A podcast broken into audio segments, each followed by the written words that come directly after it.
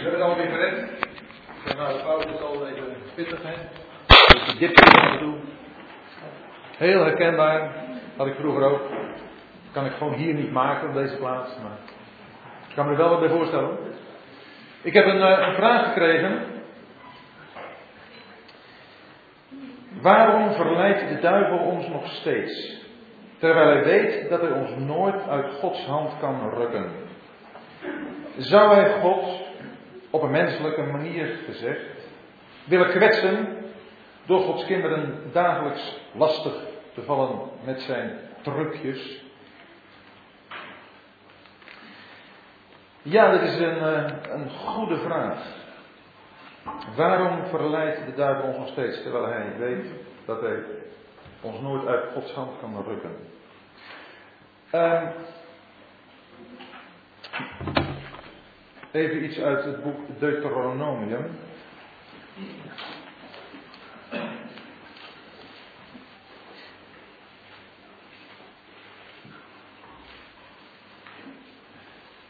Deuteronomium 8.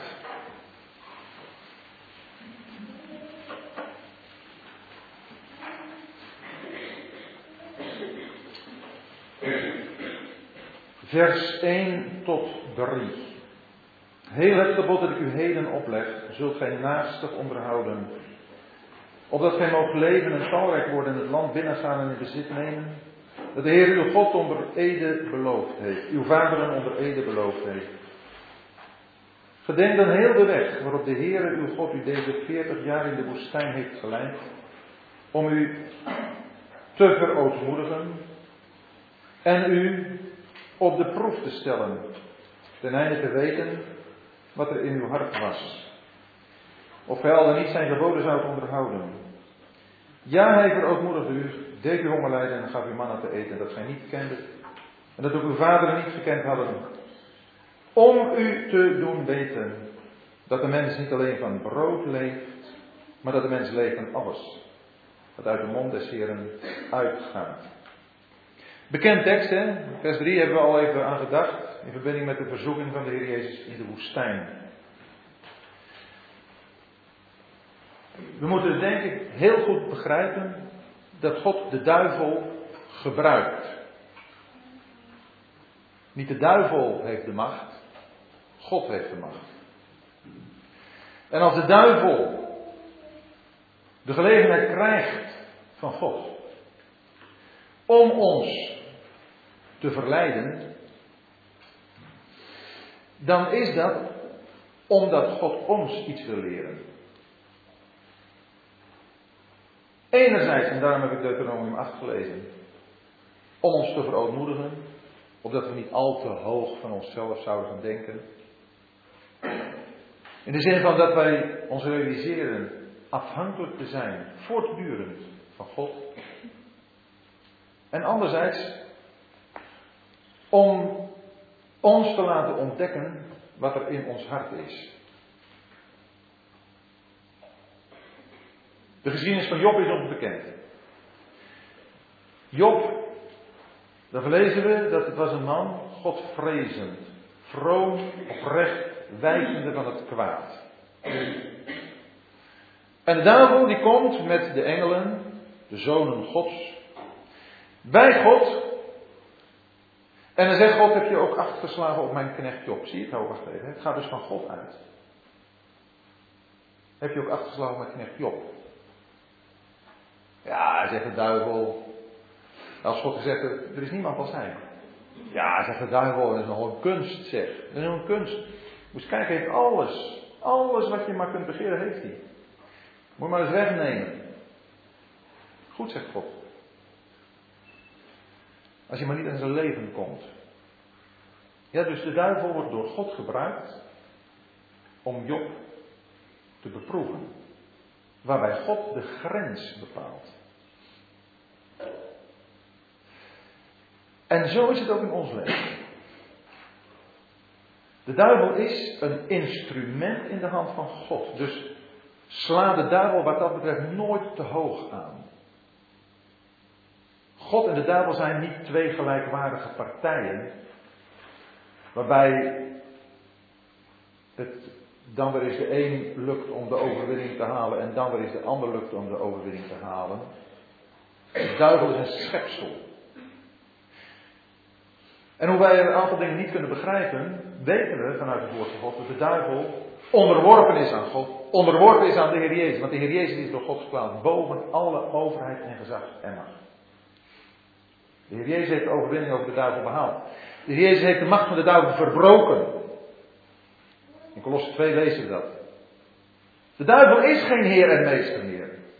Over het leven van een kind van God. Daar heeft hij geen enkele zeggenschap meer over. Moet je hem ook niet geven. En toch wil de duivel, krijgt hij de ruimte van God om in ons leven van die prikacties te doen.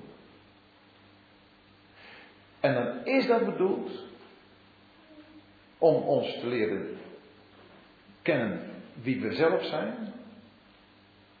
En ons daardoor ook steeds meer afhankelijk van God te doen zijn.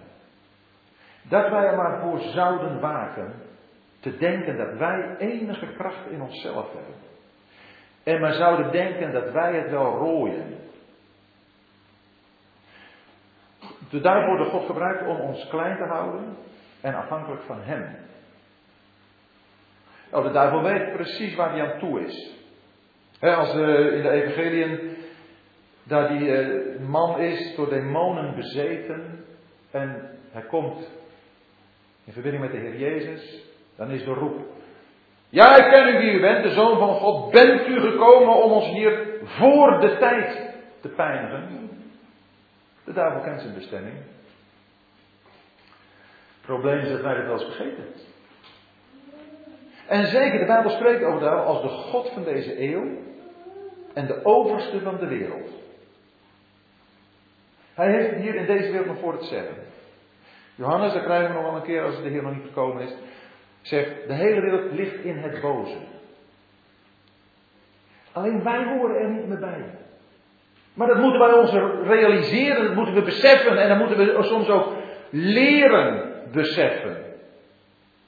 En daarom krijgt de duivel, net als bij Job, ook in ons leven soms wel eens de gelegenheid om ons op de proef te stellen. Om ons uh, ja, soms te verleiden. En natuurlijk, de duivel, die, uh, die wil alleen maar ons tot struikelen brengen en tot een leven dat tot oneer is van God. In Lucas 22, daar lezen we van de voorzegging door de Heer Jezus van de verloochening door Petrus. Lucas 22, vers 31.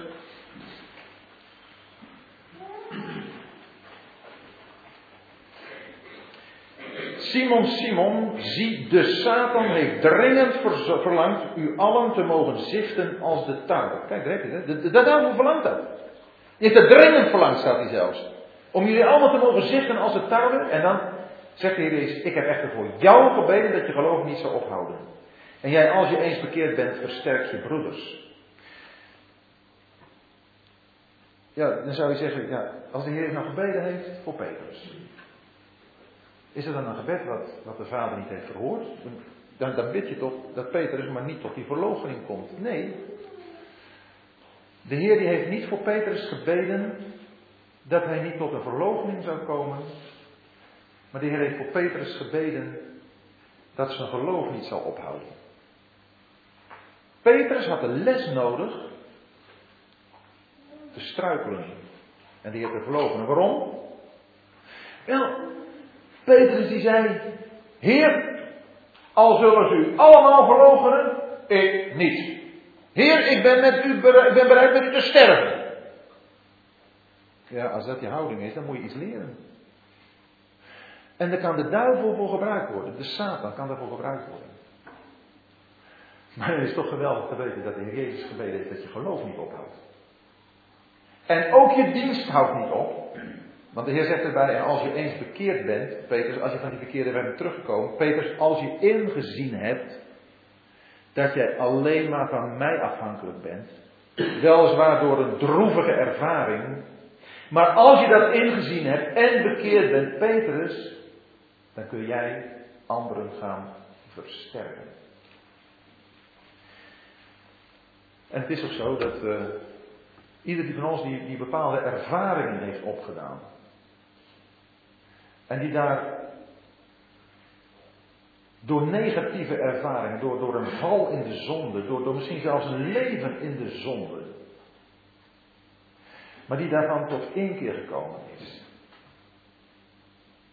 Die is op een bijzondere manier in staat om anderen te helpen. Anderen te ondersteunen, anderen te bemoedigen. En ik denk dat iedereen bepaalde ervaringen heeft. Voor de een is het misschien wat spectaculairder dan de ander, in onze ogen. Maar elke ervaring die jij met de Heer hebt, op welk terrein ook, al is het een val, maar als je bent opgericht, echt waar, dan kun je voor een ander van betekenis zijn.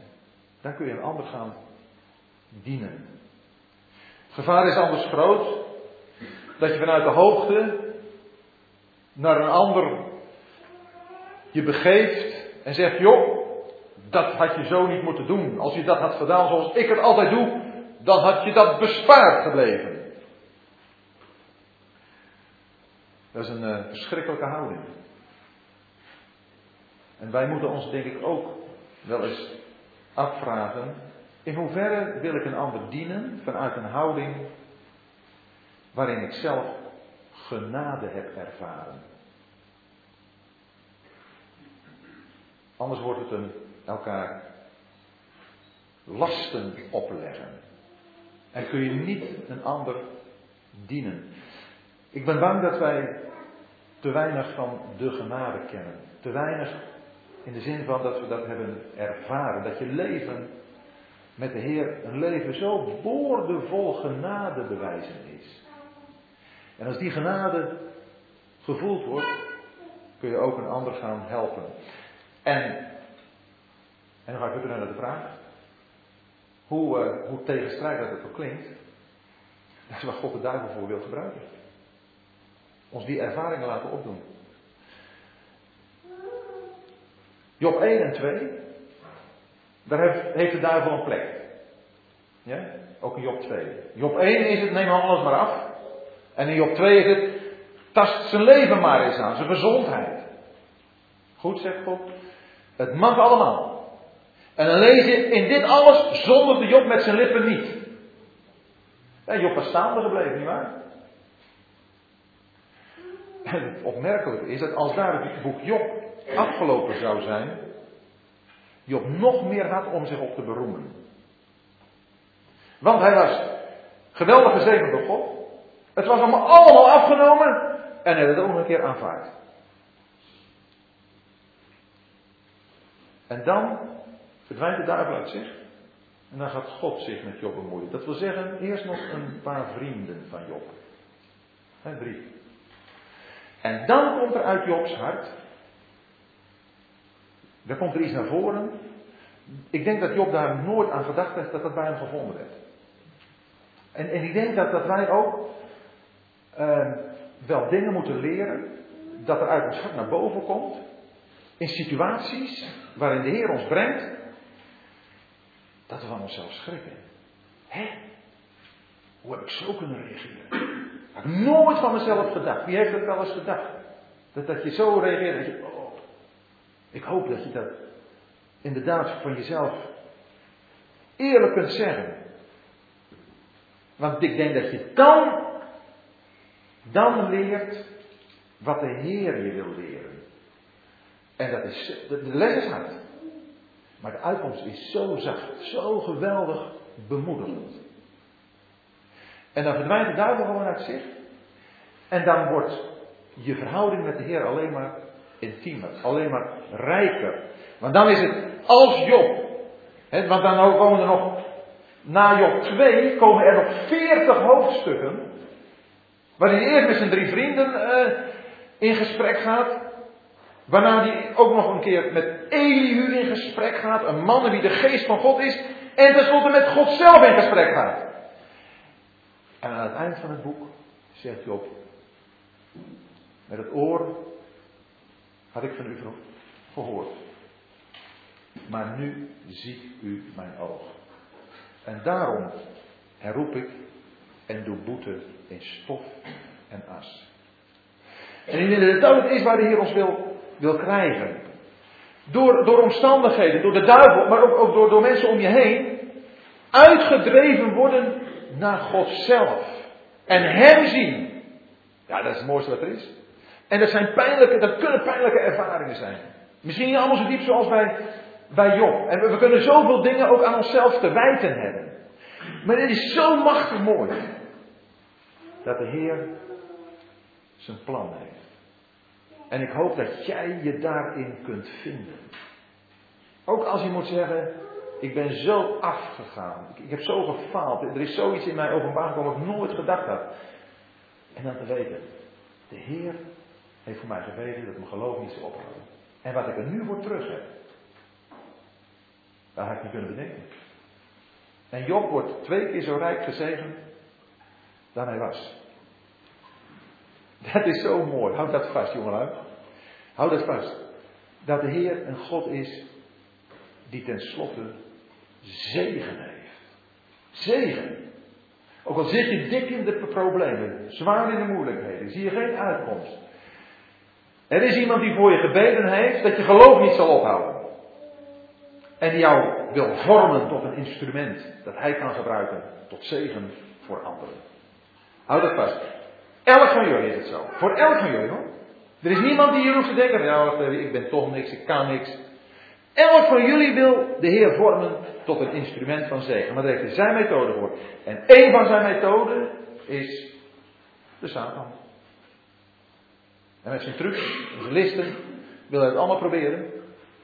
Maar de duivel gooit altijd zijn eigen glazen in. Altijd. God is overwinnaar. Absoluut, zonder enige twijfel. En de duivel wordt gewoon gebruikt. Houd dat vast. Dus uh, bedankt voor deze vraag. Ik denk dat het een hele belangrijke vraag is.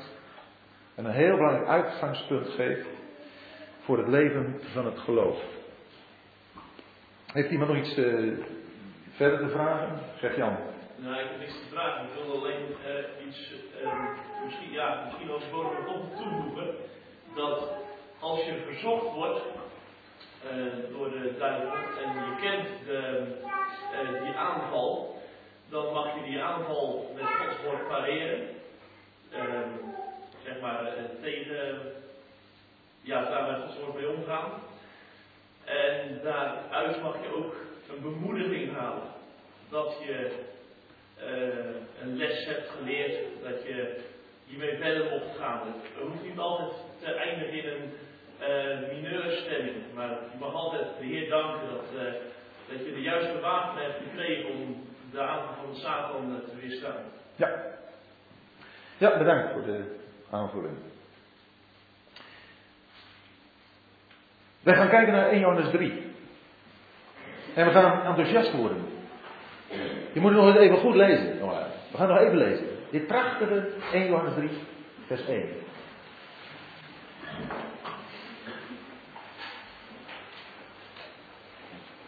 Ziet, dit is gewoon een, uitroep van enthousiasme. Ziet welke liefde de Vader ons gegeven heeft. Dat wij kinderen van God genoemd zouden worden. En wij zijn het ook. Jongen. Ziet. En het staat er. Welke liefde de Vader ons gegeven heeft. Het is een gift van de Vader dat we kinderen van God zijn. Een, een gift van de liefde van de Vader. En aan welke liefde? Een, een, een liefde van zo grote omvang en zo diepe betekenis. Johannes zegt gewoon, kijk, kijk er eens naar. Weet je het? Weet je het? Dat je een kind van God bent. Dat is echt een liefde van de Vader. Want waarom, waarom jij? Waarom ik? Waarom? Wie heeft daar een verklaring voor? Die, uh, ja, die, die je zou kunnen zeggen, nou daar en daarom is dat van, uh, vanuit mezelf. Uh, ja, er was wel iets in mij wat, ja, wat aantrekkelijk was voor God. Niemand. Die liefde van, van de Vader is helemaal van hem uitgegaan. En waarom jij, waarom ik en, en niet die miljoenen, die miljarden om ons heen? Waarom? Ik heb er geen antwoord op. Ik kan alleen zeggen, zie welke liefde. En als dit, als dit jouw, jouw, jouw, jouw, jouw, echt je aanspreekt, echt je, je bezighoudt, dan kan het niet anders. Of je wordt ook enthousiast. Je wordt daardoor bewogen, aangedaan. Dat is zo geweldig groot.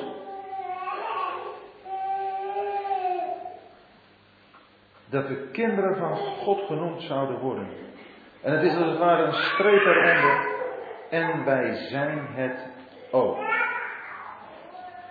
Nou ja, dit is gewoon een zekerheid. Dit, kun je gewoon niet aan twijfelen.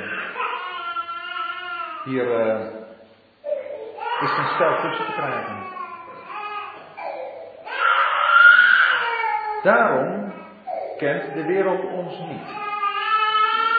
De wereld die uh, heeft de Heer Jezus niet gekend. Dat is een onmogelijkheid. Want er was geen verbinding tussen de wereld en de Heer Jezus. En daarom kent de wereld ons ook niet. Dat betekent natuurlijk niet dat de wereld niet weet wie je bent. Ja, je ongelovige medescholieren, je ongelovige collega's, die kennen je bij naam en die kennen ook je zwakheden misschien wel, die weten ook je sterke punten. En toch, ze kennen je niet in je drijfveren, in je motivatie, waarom jij je werk doet, waarom jij aan het studeren bent, waarom jij je gedraagt, waarom jij je kleedt, waarom jij eruit ziet, waarom jij doet wat je doet en hoe je eruit ziet en hoe je kleedt. Die kent de motieven daarachter niet. En uh, het, uh, ik heb Lot al even genoemd. Ik moet zeggen, ik, vond het haar schokkend om te ontdekken dat het ook voor Lot geldt. Lot, ja toch wel de meest ontrouwe gelovigen, die uh, heb ik hem gezien in uh, Genesis 19. Als daar de engelen komen, twee engelen bij hem. En die hele stad Sodom is vol van homoseksuele mannen. Althans wat hun lusten betreft. En ze willen deze twee engelen, twee mensen, daar willen ze gemeenschap mee hebben. En Lot, die eh, zegt, notabene, het walgelijke voorstel. Dan gaat hij ook weer met een nog walgelijker voorstel als het ware. Dat hij zegt, joh, hier heb je mijn dochters. Ga daarmee je gang maar. En dan zeggen de mensen van Sodom, deze vreemdeling, deze vreemdeling is hier gekomen. Voor hen hoorde Lot niet bij hen.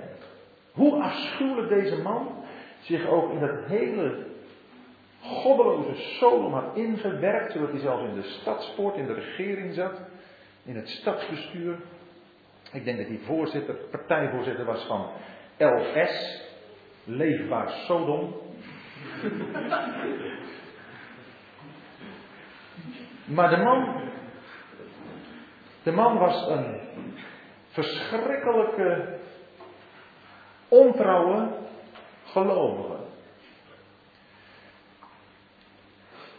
Maar toen het erop aankwam dat hij de Sodomieten een lesje wilde leren, toen zeiden ze, wat hebben wij met deze vreemdeling te doen?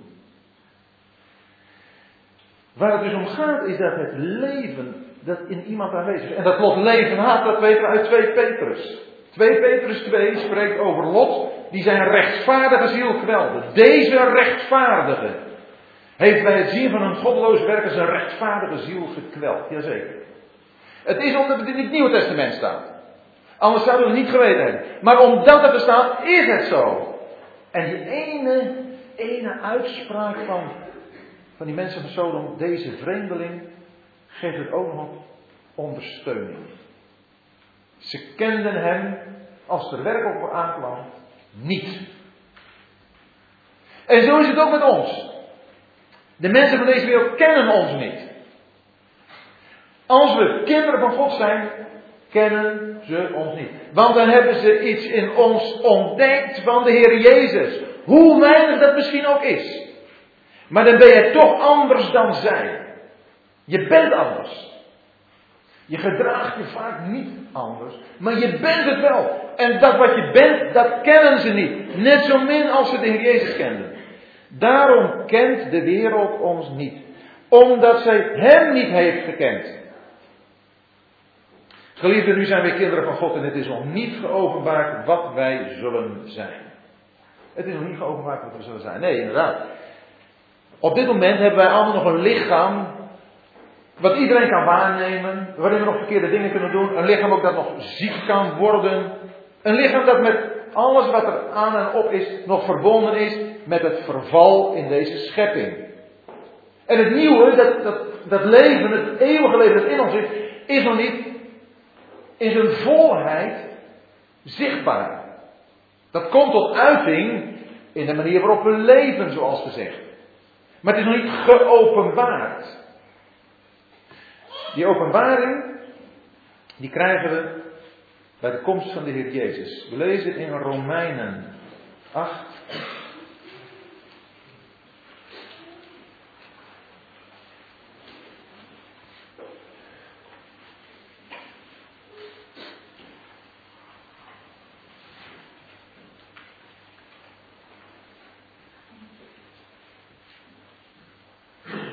vers 19. De schepping verwacht rijkhalzend de openbaring van de zonen van God. Want de schepping is aan de vruchteloosheid onderworpen, niet vrijwillig, maar omwille van hem die er onderworpen heeft. In de hoop dat ook de schepping zelf zal worden vrijgemaakt van de slavernij van de vergankelijkheid, tot de vrijheid van de heerlijkheid van de kinderen van God. Want wij weten dat de hele schepping tezamen zucht en tezamen in barensnood is tot nu toe. En dat niet alleen, maar ook wij zelf, die de eerstelingen van het geest hebben, ook wij zelf zuchten bij onszelf in de verwachting van het zoonschap. De verlossing van ons lichaam. Kijk, onze geest, onze ziel is verlost. Daardoor kunnen wij denken aan de Heer Jezus, daardoor kunnen wij leven voor de Heer Jezus. Maar ons lichaam, dat is nog niet verlost. Dat deelt nog in de gevolgen van de zonde. Maar dat ziet uit naar de verlossing. En wanneer is dat zover? Als wij geopenbaard zullen worden. En wanneer komt je openbaring? Colossus 3. Efeze, Filippi, Colossus. Colossus 3.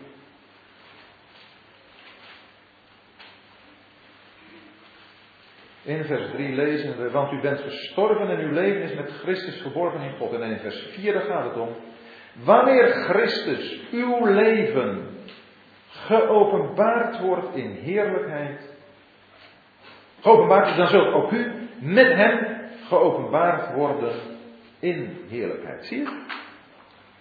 Als de Heer Jezus geopenbaard wordt, als Hij uit de hemel, met de gemeente die Hij voor die tijd natuurlijk heeft opgenomen, maar als Hij uit de hemel komt en geopenbaard wordt, als Hij zichtbaar zal zijn, openbaring 1, vers 8, meen ik, alle oog zal hem zien, dan zullen ook wij met hem geopenbaard worden.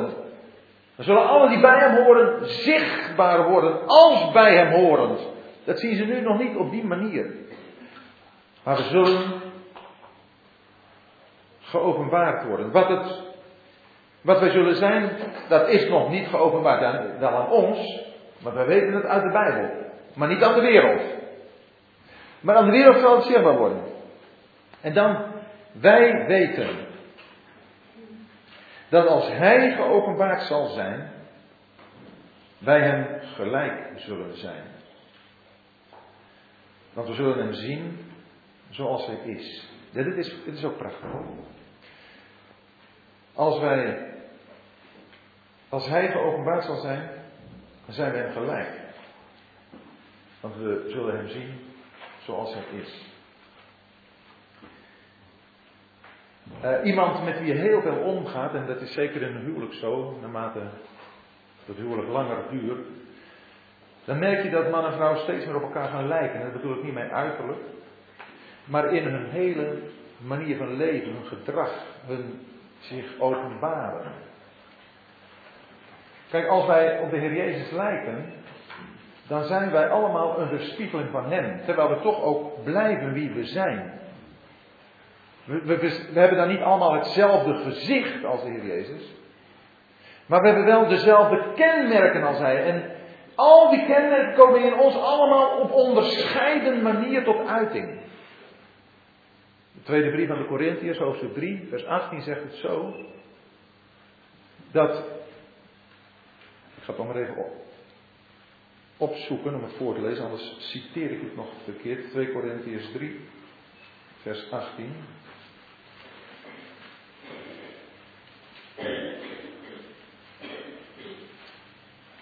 Wij allen nu, die met onbedekt gezicht de heerlijkheid van de Heer aanschouwen, worden naar hetzelfde beeld veranderd. Van heerlijkheid tot heerlijkheid, als door de Heer de Geest. Als we de Heer echt zullen zien, persoonlijk, bij zijn komst, dan zijn we hem gelijk. We zullen hem zien zoals hij is, en dan zullen we hem gelijk zijn. Nu al, als we ons met hem bezighouden, als we naar hem kijken, als we denken aan hem, als we in het woord lezen over hem, hebben we gelezen in 2 Korintiërs 3, dan worden we naar hetzelfde beeld veranderd. Dan ondergaan we, zoals er letterlijk staat, een metamorfose. We worden andere mensen. We gaan steeds meer op Hem lijken. In ons gedrag, in onze uitingen. In de doelen die we nastreven. Wordt steeds meer zichtbaar van de Heer Jezus. En, en dat is waar het om gaat. Dat dat in ons leven zichtbaar wordt. En het mooie hiervan is, ik vind het altijd weer mooi, omdat tegen elk van jullie, want ik zie niet een groep, maar ik zie allemaal personen. Allemaal mensen die even waardevol zijn voor de Heer. En ieder mag iets van de Heer Jezus afstralen. En naarmate jij persoonlijk met de Heer in verbinding staat, meer van Hem leert, komt er iets van Hem in jouw leven tot uiting, wordt er zichtbaar. En dat is zo mooi, om dat in elk leven persoonlijk te ontdekken en, en daar ook aan mee te werken dat dat tot uiting komt.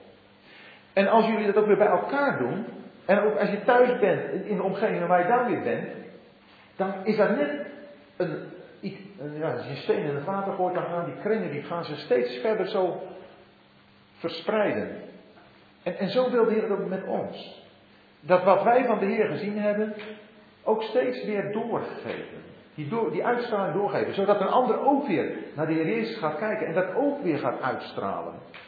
Dat is wat de Vader wil. Dat is, dat is wat de eeuwigheid ons zal laten zien in elkaar. En het is denk ik heel, heel mooi om wat in de eeuwigheid dadelijk als Jezus komt in volmaaktheid zal zijn, nu al te beleven. Nu al daar ons voor in te zetten. Ja, maar dan krijgt je leven zin. Dan heeft je leven doel en perspectief. Dan denk je niet aan een vervulling van de, misschien ook goede begeerten die je hebt op aarde. Maar dan ga je dat allemaal zien in dit perspectief. En als je in dit perspectief gaat leven, dan betekent het ook dat je jezelf reinigt. En ieder die deze hoop op hem heeft, reinigt zich zoals hij rein is. Ja, dat is toch zo? Als je met de Heer Jezus bezig bent, als je kijkt naar Hem, als je Hem verwacht, uitziet naar Zijn komst, naar de ontmoeting met Hem. En de verandering die dit al geeft in je leven, ja, dan reinigt dat je. Dan zul jij niet meer een verlangen hebben om verkeerde dingen te doen, om je met verkeerde dingen bezig te houden, om verkeerde dingen op te zoeken. Dan ben je daar niet meer mee bezig, Want dan gaat het steeds meer uit je leven verdwijnen. En dat is het machtig mooie. Van het bezig zijn met de Heer Jezus. Dat is niet een, uh, een soort mystiek gebeuren. Iets waarvan je in een bepaalde stemming moet raken. Ja, een soort trance. Of een hele vrome gemoedsaandoening moet hebben. Dit is helemaal bij je nuchtere verstand. Dit is helemaal waar je je oog op mag richten door het lezen van Gods woord. En daar de Heer Jezus in ontdekken. En zo naar hem kijken, zo met hem bezig zijn, zo hem volgen. Je het evangelie leest, is natuurlijk helemaal prachtig, want dan volg je hem op zijn weg. Maar ook als hij nu aan hem denkt in de hemel, de hoge priester, de apostel van onze beleidenis. In dat wat hij dat doet voor ons, maar ook in wie hij daar is voor ons, die, die alle macht gegeven is in hemel en op aarde. Die continu met jou bezig is. Je van alles voorziet wat je nodig hebt. Ja, en soms ook inderdaad de duivel inzet. Omdat hij op een andere manier niet kan gebruiken, niet, kan bereiken. Nou, dat, was bij Petrus ook hoor. Was bij Petrus alleen maar omdat de Heer hem op een andere manier niet kon bereiken. Dan moeten we soms die val maken. Maar hij staat erboven. Hij is bezig. Hij vormt. En hij heeft het eindresultaat altijd in de gaten. Hij is aan het vormen. He, zoals dat, dat beeld is vaker gebruikt, je een blok steen hebt staan ergens en een beeldhouwer die gaat daar stukken afslaan. Die, die weet precies al waar hij naartoe werkt. Hij wil dat schaap uit dat stuk steen halen. Hij heeft dat schaap al helemaal voor zich. En hij slaat daar een stuk weg en hij slaat daar een stuk weg. En dat stuk steen, dat één massief blok steen was, krijgt steeds meer vorm. Dat is bij ons ook. Zo worden er bij ons ook stukken weggeslagen uit ons leven. Daar verdwijnt er weer een stuk. En daar verdwijnt weer een stuk. En steeds duidelijker zien we het beeld van de Heer Jezus ontstaan. Zo is de Heer ermee bezig. Zo is de Heilige Geest ermee bezig. Zo wordt het woord van God gebruikt. Zo worden alle aspecten in het leven gebruikt. Duivel en zijn engelen gebruikt. Broeders en zusters gebruikt. Omstandigheden worden gebruikt. Gebeurtenissen. Alles. En staat hem allemaal ten dienste. Wij zijn zo geweldig tijd, hè? Als je zo naar het leven mag kijken. Is er niks mooier dan dat?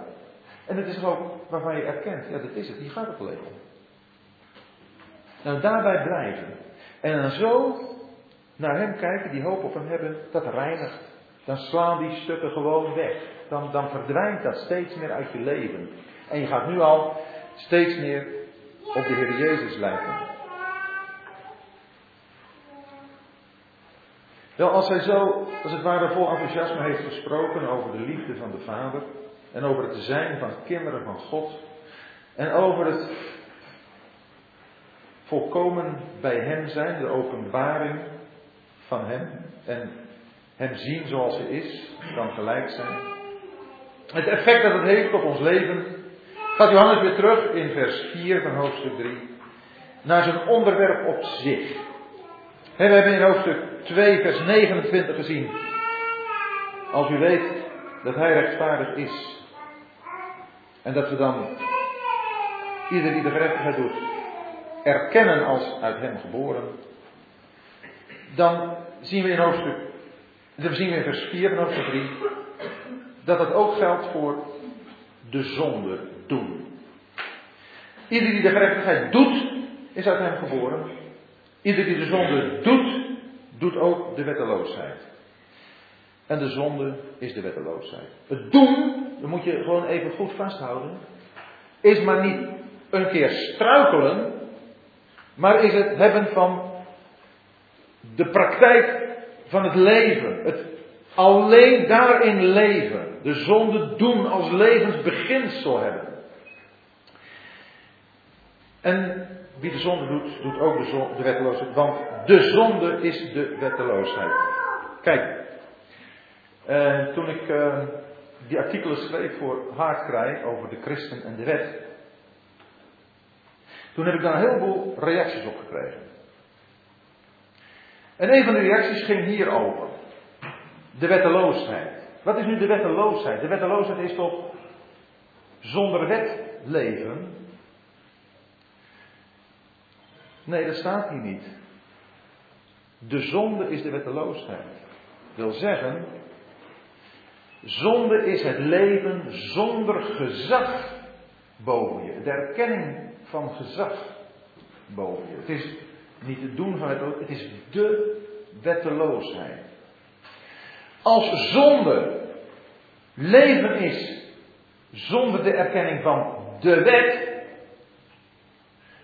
dan zou, het, uh, dan zou de zonde ervoor de wet niet geweest zijn. Want de wet is pas in, in, in Exodus 19, in Exodus 20, bij de Sinaï aan het volk Israël gegeven. Maar zegt Romeinen 5, ook voor de wet was er zonde. En zonde is, en dat is het element wat in de wereld gekomen is, al in Eden, in de Hof van Eden, zonde is geen rekening houden met het gezag van God. En daar gingen Adam en Eva de fout in. Want Eva heeft niet naar God geluisterd, heeft Gods gezag niet erkend. En dat is de zonde. En elke vorm van het niet erkennen van gezag is zonde. Daarom is de zonde de wetteloosheid. Zonde is het doen van de eigen wil. En dat is wat wij, denk ik, bijzonder goed moeten beseffen. Het gaat veel verder. Natuurlijk is overtreding van de wet van de tien geboden ook de wetteloos, is ook wetteloosheid. Maar het begrip wetteloosheid gaat veel verder dan alleen maar een overtreding van een van de tien geboden. Alles wat je doet zonder rekening te houden met het gezag dat boven je staat. Dat is het gezag van God. Maar dat is ook het gezag van je ouders. Dat is ook het gezag van de overheid. Dus het ook het gezag van de leraar op school, of lerares. Elke verhouding waarin jij staat, waarin je ondergeschikt bent aan iemand anders. En waarmee je geen rekening wenst te houden op enig punt, is wetteloosheid. En dat is zonde. En dat zul je moeten erkennen. Wie de zonde doet, doet ook de wetteloosheid. En hier gaat het zeker om mensen die zich helemaal niet om God bekommeren en om geen enkel gezag. Nou, als je een klein beetje bekend bent in het politieke klimaat in Nederland, dan weet je hoe de gezagsloosheid hand over hand toeneemt. Wilders voorop. Want de man laat zich geen enkel gezag aanmeten. Erkent geen enkel gezag behalve dat van zichzelf. Maar daar gaat het om. Het gaat om werkelijk je niet van iemand boven je, door God boven je geplaatst, aan te trekken. En wie dat doet, die doet de wetteloosheid. En de zonde is de wetteloosheid. Daaraan kun je dus herkennen dat dit op geen enkele manier met God te maken heeft. Maar dan dat geweldige in vers 5. En u weet dat Hij geopenbaard is, opdat Hij onze zonden zou wegnemen. En in Hem is geen zonde. Daarvoor is de Heer Jezus gekomen. Om die hele ellende die door de wetteloosheid, door de zonde in de wereld is gekomen. Te beginnen bij Eva en doorgaat tot alle mensen. De Heer Jezus is gekomen. Wij die geen enkele oplossing hadden. Hij is geopenbaard om de zonde weg te nemen. Jonge mensen, dit is een geweldig woord. Dit is een woord van bemoediging, van hoop, van uitzicht. Dit heeft hij gedaan. En waarom heeft hij dat gedaan? Omdat, en waarom kon hij doen? Omdat in hem geen zonde is. In hem was geen enkel beginsel van wetteloosheid te vinden.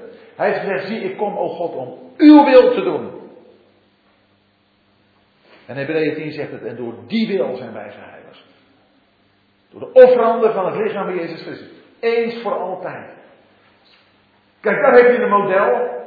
Daar heb je iemand die met de zonde niets te maken heeft. En die daarom, allen die daaronder gebukt gingen, die zichzelf niet konden bevrijden en die leefden voor zichzelf, zonder enige erkenning van gezag, om die mensen daarvan te bevrijden.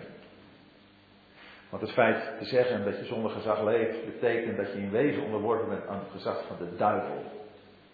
2 Petrus zegt het, door wie men overmeesterd is, die slaaf is men geworden. En ieder mens is of een kind van de duivel, staat hier verderop nog in hoofdstuk 3, of een kind van God. En een kind van de duivel leest voor zichzelf. En is onderworpen aan de macht van de duivel. Hoewel die denkt vrij te zijn om te doen wat hij wil. Maar die wetteloosheid is een zonde.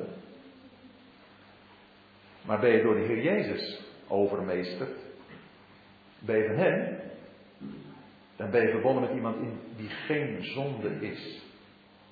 Het drievoudige getuigenis in de Bijbel, hier van Johannes, in hem is geen zonde. Daarom kon de Heer Jezus zeggen in het Evangelie van Johannes, de overste van deze wereld komt en heeft in mij niets. Met Johannes 8.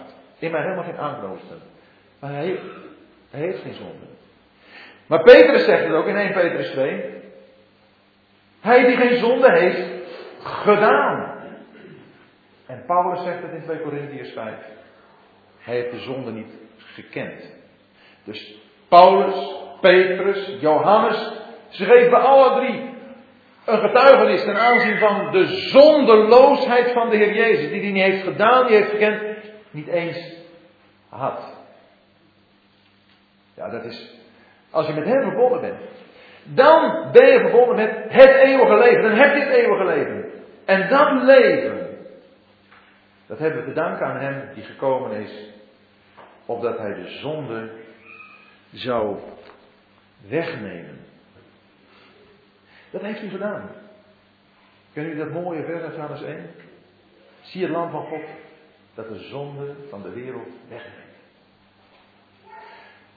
Dat gaat hij doen. De zonde is nog niet weggenomen van de wereld. Hij heeft niet de zonde al weggenomen. De zonde is hier nog. Maar hij heeft het werk volbracht. Waardoor het gaat gebeuren. Waardoor het binnenkort een wereld is waarin de zonde geen plaats meer heeft. De zonde is dan opgesloten in de hel. In die plaats waar alleen zonde is. En waar alle mensen zijn die de zonde niet hebben willen loslaten. Die verbonden zijn gebleven aan de zonde. Omdat ze hem niet hebben aangenomen die gekomen is om de zonde weg te nemen. Je bent of verbonden met de Heer Jezus. Maar dan ben je ook van je zonden af. We hebben het al in het begin gezien. Dat onze zonden vergeven zijn. En vergeven heeft geloof ik ook te maken met losgemaakt van. Het hoort niet meer bij ons. Oh, we kunnen nog wel zondigen. Johannes 1 zegt het ook. Als we zeggen dat we niet gezondigd hebben, dan, dan liegen we. Maar we zijn er niet meer mee verbonden. En zodra het zich voordoet, kunnen we het beleiden en is het weer weg. Want de Heer Jezus heeft het op het kruis allemaal in orde gebracht. En de zonde heeft hij weggenomen. En wij mogen dat weten voor onszelf als we de Heer Jezus kennen. De zonden zijn weggenomen, zijn weggegaan, zijn vergeven. Deze in hem is geen zonde. Ieder die in hem blijft, zondigt niet. Ah, er zijn weer van die, uh, van die absolute uitspraken. Ieder die in hem blijft, zondigt niet. Er was ook een vraag over. Ja, die vraag die, die kun je je goed voorstellen. In vers 9 nog een keer. Ieder die uit God geboren is, doet de zonde niet. En staat er in vers 9 aan het eind. En hij kan niet zondigen. Omdat hij uit God geboren is. Ach, mensen naartoe. Natuurlijk kunnen we wel zondigen. Natuurlijk. Nee, het staat hier. Ieder die uit God geboren is, zondigt niet. En hij kan niet zondigen omdat hij uit God geboren is. En dat is omdat Johannes ons hier de dingen voorstelt in hun wezen. Kan God zondigen? God kan niet zondigen. Er staat in de Bijbel, God kan niet liegen. Oh, oh, oh, wat was ik in verwarring toen ik als jongetje, ah jongetje, in vakantiewerk, ik denk dat ik jaar 16, 17 was, bij Schravenpolder aan het uien trekken was, of uien snijden, weet niet meer. Dat ook iemand zei, maar ja, als God alles kan, hè, dan kan hij toch een steen maken die zo groot is dat hij die zelf niet kan tillen. Jongen, wat was ik in verwarring. Maar natuurlijk te dwaas om over te praten.